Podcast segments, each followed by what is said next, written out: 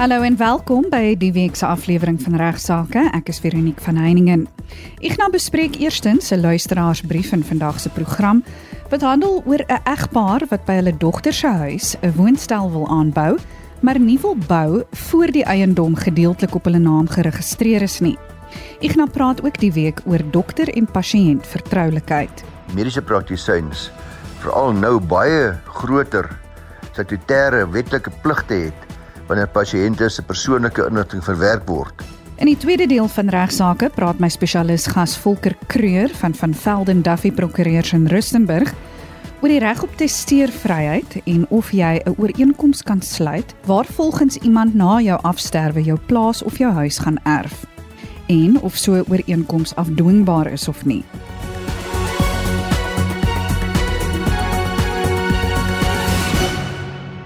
Ons begin die week die program met Ignas wat 'n luisteraarsbrief bespreek wat ek ontvang het wat handel oor 'n egpaar wat 'n woonstel by hulle dogter se huis wil aanbou, maar nou huiwerig is om dit te doen indien die eiendom nie in hulle naam geregistreer is nie. Baie goeiemôre aan aan die luisteraars. Vir ons as prokureursorde van Suid-Afrika regtig 'n groot voorreg om uh, met u te gesels en ons voel geëer dat u ingeskakel is en ek hoop dat hierdie program gaan help om die reg vir u meer toeganklik te maak. Anoniem skryf van Veronique dat haar dogter besit 'n eiendom ter waarde van 350 000 rand, haar uitstaande verband te staan 700 000 rand. Het ook aan hulle dogter 1 miljoen rand geleen. Daar was 'n formele kontrak opgestel tussen tussen haar en die dogter met 'n plaaslike prokureur. Hulle is egter afgetree. Hulle wil 'n woonstel aanbou aan die huis van die dogter. Dit was ook die plan vanaf die koop van die boedel. Die probleem is egter die huis is op die dogter se naam geregistreer. Hulle wil nie graag sommer daar aanbou nie en ek dink bly om dit te hoor sonder dat die eiendom nie ook op hulle naam of op 'n gedeelte van die eiendom net op hulle naam geregistreer word nie, maar hulle stel vas dat die oordrag kos baie geld. Hulle het ook al 'n trust oorweeg en hulle kyk ook na deeltitels en die wetbehuising en allerlei advies wat al vir hulle gegee is.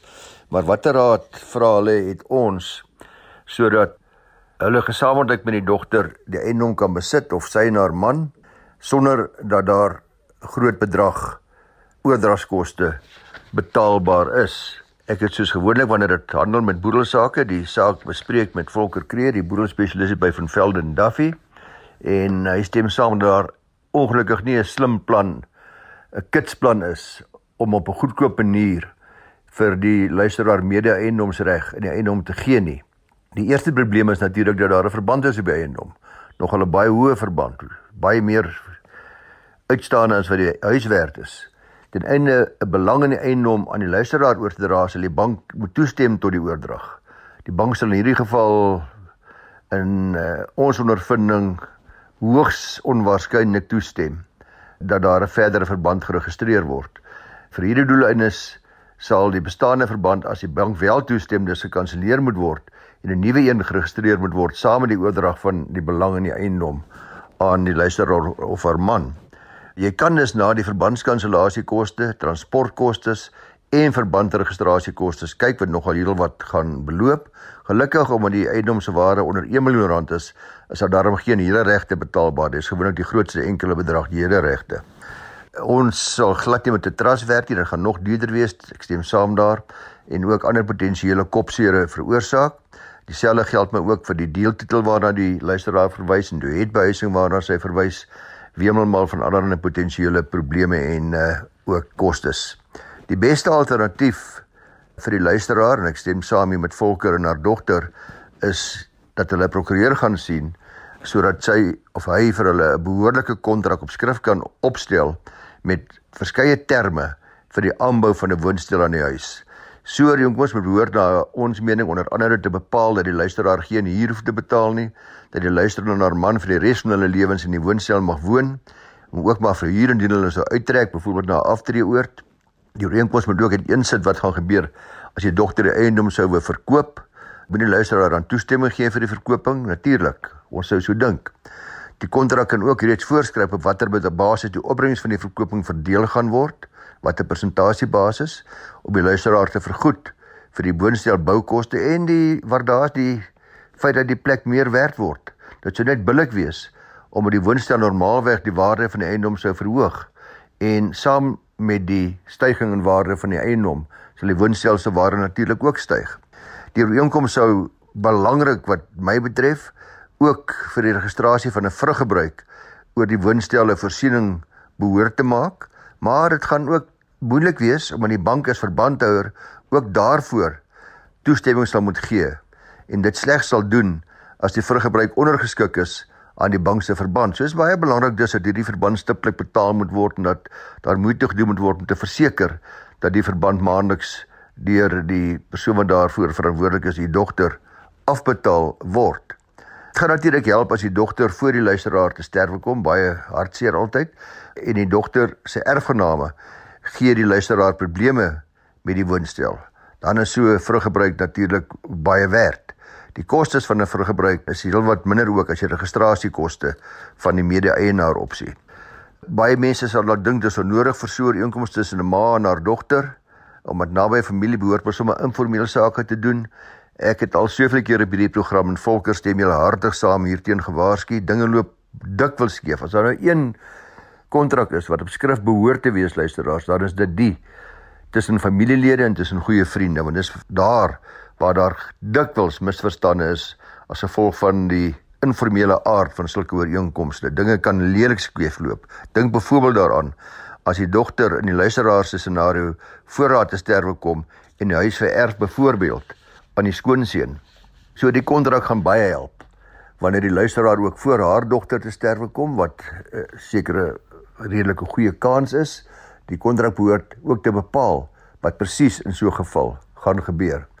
Dan ten slotte behoort die luisteraar en haar dogter se testament ook dadelik hersien te word ten einde te verseker dat dit in lyn is met dit wat hulle en oor die inkomste gaan bepaal.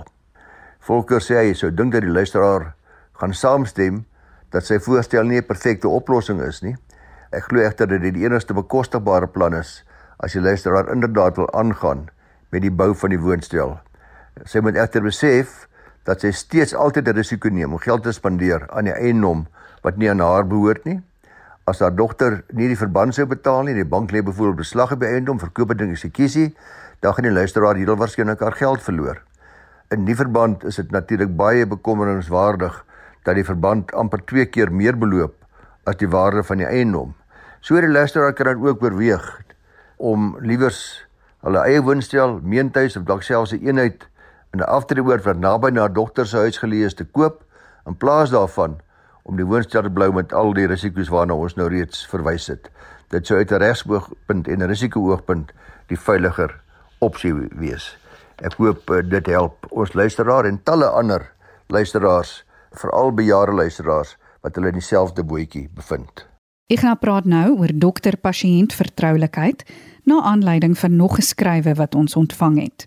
Ja luisteraar, ek kan nie onthou dat ek oor dekades heen al ooit die dokter-pasiënt vertroulikheid bespreek het. Ek het wel al verwys na die prokureur en kliënt privilegies en ander privilegies, maar Ek het 'n uh, baie ontstelde kliënt gehad 'n uh, rukkie gelede wat blykbaar het haar geneesheer die spesialis of iemand in sy diens, ons is nie seker nie, laat uitlek want dit het 'n vriendin vir haar laat weet dat die anonieme luisteraar blykbaar 'n kosmetiese operasie ondergaan het. Nou die luisteraar beskou dit uiteraard as baie privaat en sy is baie ontsteld dat hierdie inligting uitgelek het en wil weet wat daar te doen staan.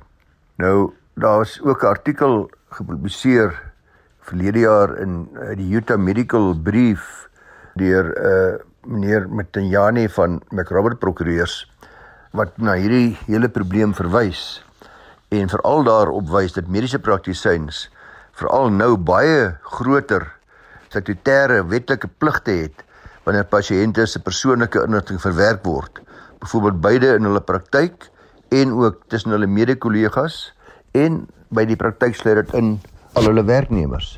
Want die wet op beskerming van persoonlike inligting, dis die bekende POPI wet, die wet 4 van 2013 word uiters relevant in nywerhede wat sensitiewe persoonlike uh, inligting hanteer, soos byvoorbeeld gesondheidsorg en veral dan nou ook hierdie geval waar daar kosmetiese operasies ondergaan is. Artikel 19 van hierdie wet voorsien dat veiligheidsvoorsorgmaatreëls oor integriteit en vertroulikheid van persoonlike inligting baie duidelik getref moet word. Artikel 19 uh noem 'n hele paar van hierdie veiligheidsvoorsorgmaatreëls.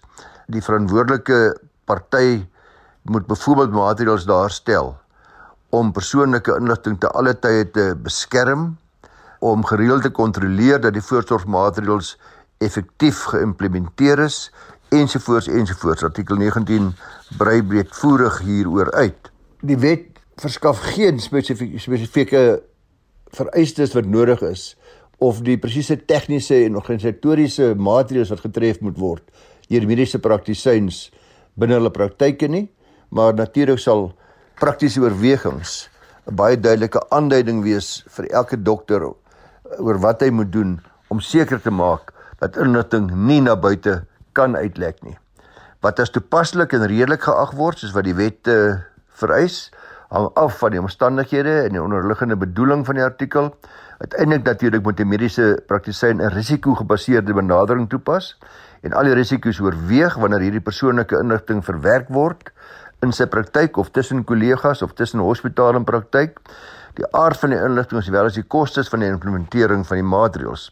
Hy kan byvoorbeeld die volgende sekuriteitsmaatreëls in die praktyk implementeer om pasiënte se persoonlike inligting te beskerm. Dis fisiese maatreëls, dis beveiliging van die seerkabinette, toegangsbeheer by kantore, kluise ensovoorts, operasionele maatreëls te verseker dat personeel vertroulikheidsbijeenkomste onderteken, hulle behoorlik op te lei. En dit is ook belangrik oor die absolute noodsaaklikheid en belangrikheid van die beskerming van persoonlike inligting en die instelling van multivlak magtigingsprotokolle ook tegnologiese maatreëls installering van firewalls, skus seker vier mure, uh, antivirusprogramme, die gebruik van wagwoorde, die enkriptering van verwyderbare toestelle, ag die ontwikkeling van 'n inligtingsekuriteitsbeleid vir die privaatheid wat al hierdie sake dan behoorlik aanspreek. Uh, dis dis belangrik luisteraars dat uh, as hy mediese praktisyns is wat luister of mense in hulle praktyke wat vir hulle werk, hulle moet verseker dat al die partye wat daarbey betrokke is, altyd in staat is om tasbare bewyse te verskaf van die stappe wat hulle gedoen het. Die wet sê so. Stappe wat hulle geneem het om 'n pasiënt se persoonlike inligting te beskerm en veilig oor te dra. Natuurlik loop hulle risiko's in hierdie geval van ons luisteraar. Ek sou nou al vir haar gaan sê dat sy 'n prokureur moet gaan spreek en dat daar waarskynlik 'n eis daar uit gaan volg of dat die dokter self skikkingsbedrag sal aanbied as gevolg van die nie nakoming van die Popie wet en natuurlik die ander skade wat aangerig is aan hierdie luisteraar. Die wet plaas ook 'n plig op enige werknemer of agent wat persoonlike inligting namens 'n praktisyn verwerk om te verseker dat hulle dit slegs met die medewete of magtiging van die mediese praktisyn verwerk. Daar word ook van hulle verwag om hierdie inligting as vertroulik te hanteer, nie bekend te maak nie behalwe in soverre as dit deur die wet gemagtig word as deel van hulle pligte. Die praktisyn moet dan onmiddellik in kennis gestel word as daar gronde is om te glo dat die pasiënt se inligting deur 'n ongemagtigde persoon verkry is. Die oordrag aan 'n ander praktisyn wat dikwels moet gebeur in die mediese wêreld, het natuurlik sy eie sekuriteitsbekommernisse en risiko's. Daar's ook maniere om hierdie inligting wat dan aan ander aan my kollegas gegee word en tweede opinies wat gevra word tydens die verwysingsproses te hanteer maar sonder twyfel heelwat risiko's. Die oordrag van persoonlike inligting per e-pos is natuurlik minder riskant as wanneer dit met die hand deur 'n derde party agent of per pos afgelewer word en so met dien verstande dat die inligting op 'n redelike wyse verwerk word wat nie inbreuk maak op privaatheidsregte nie en die mediese praktiese redelike stappe doen om te verseker dat die pasiënt bewus is van die doel waarvoor die inligting ingesamel word is ook belangrik. Uh sekuriteitsmaatreëls wat geïmplementeer word om 'n data lek te voorkom is uiteenlopend waarvan die meeste maar IT verwant is. So gewoonlik sal 'n goeie praktisyn, mediese praktisyn of dit nou ook 'n prokureur is of ander praktisyns wat met mense se persoonlike inligting werk, seker maak dat hulle gekwalifiseerde IT persone of personeel raadpleeg of gebruik wanneer hulle van voorneme is om in, om sulke inligting veral elektronies oor te dra. want toepaslike is sagte ware en harde ware moet in plek wees om te voldoen aan artikel 19 van hierdie wet. 'n Skending van vertroulikheid terloops baie belangrik deur enige persoon in gevolg die wet is 'n kriminele oortreding, ja, strafbaar. 'n uh, Boete of gevangenisstraf, tydperk van hoogstens 10 jaar of beide.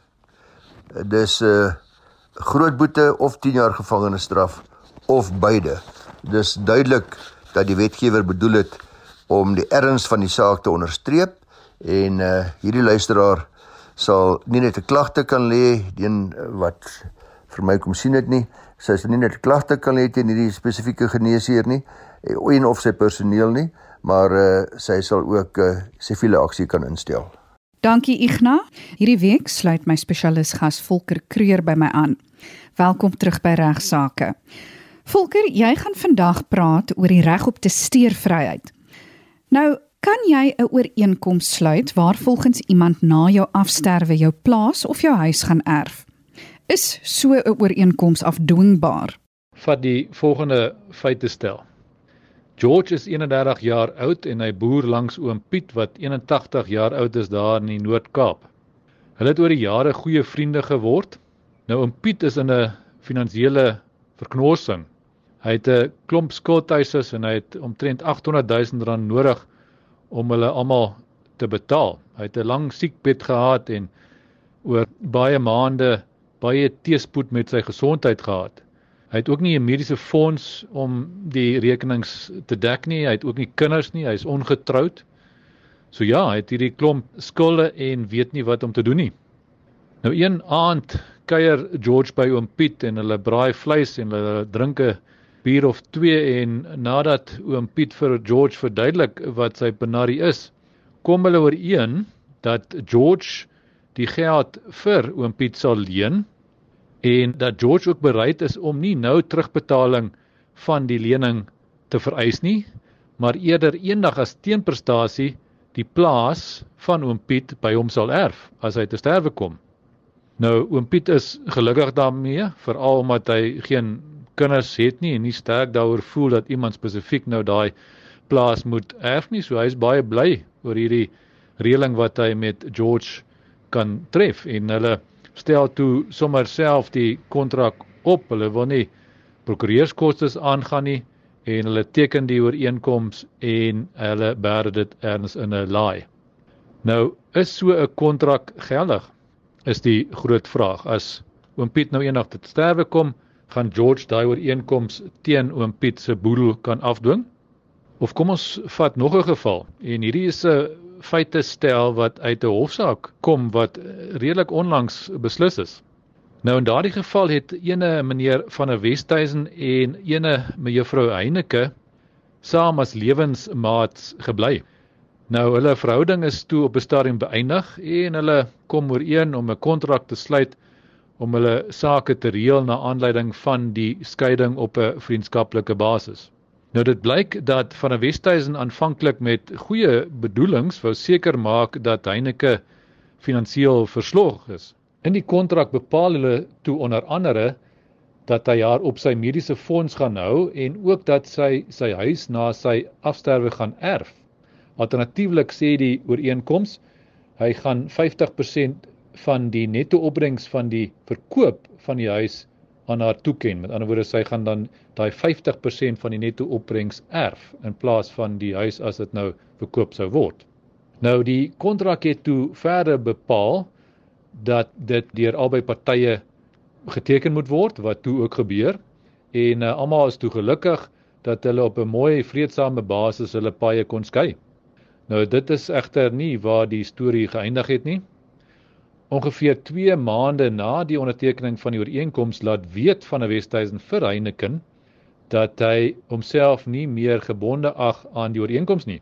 En na 'n paar verdere verwikkelinge besluit sy toe op die einde om die saak hof toe te vat om die ooreenkoms te probeer afdwing.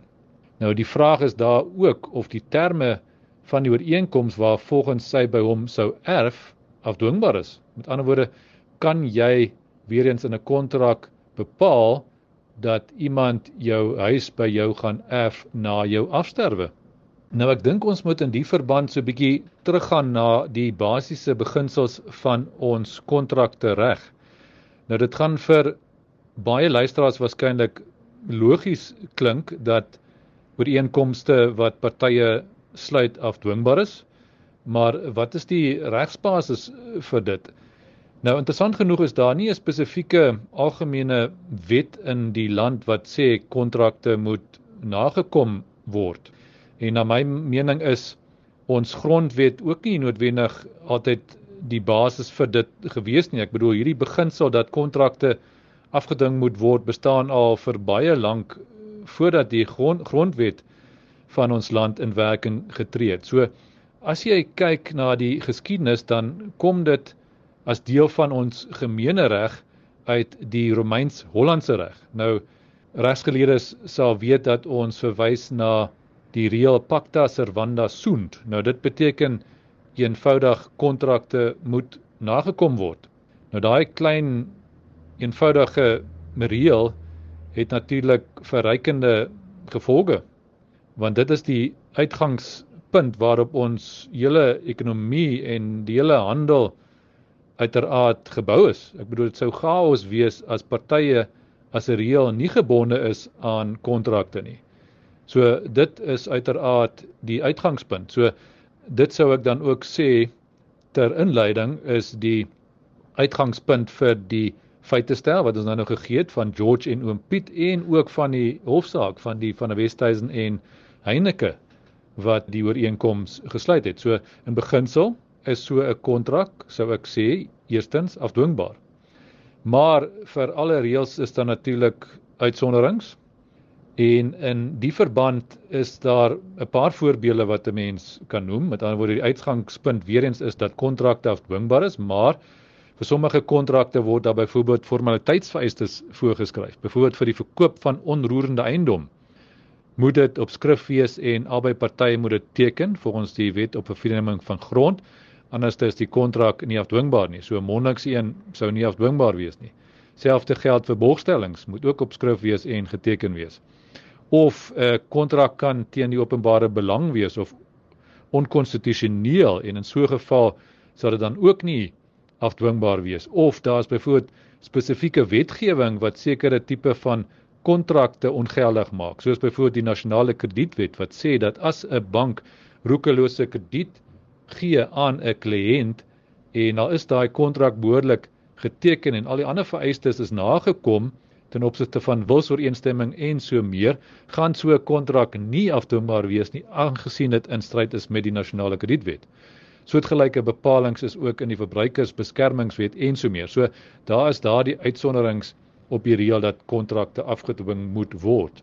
So nog 'n belangrike uitsondering en voorbeeld van 'n ooreenkoms wat teen die openbare belang is en dit was nog altyd die beginsel wat in ons reg afgedwing is is so 'n ooreenkoms wat iemand se testeervryheid wegneem.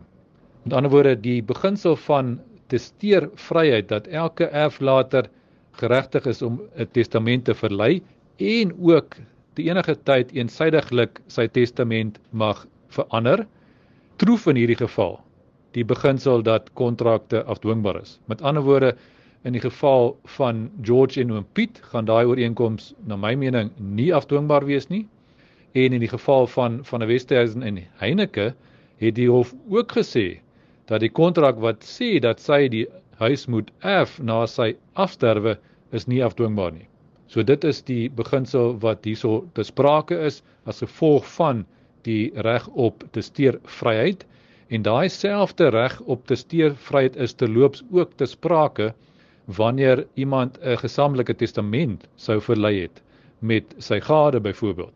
Mens sou dalk dink dat jy dan daai testament net saam met die gade weer kan wysig, maar dis natuurlik nie hoe dit werk nie. As gevolg van die beginsel van testeervryheid, maak nie saak wat die gesamentlike testament mag bepaal, jy kan as erflater te enige tyd eensydiglik 'n nuwe enkeltestament teken en daai testament sal dan geldig en afdwingbaar wees.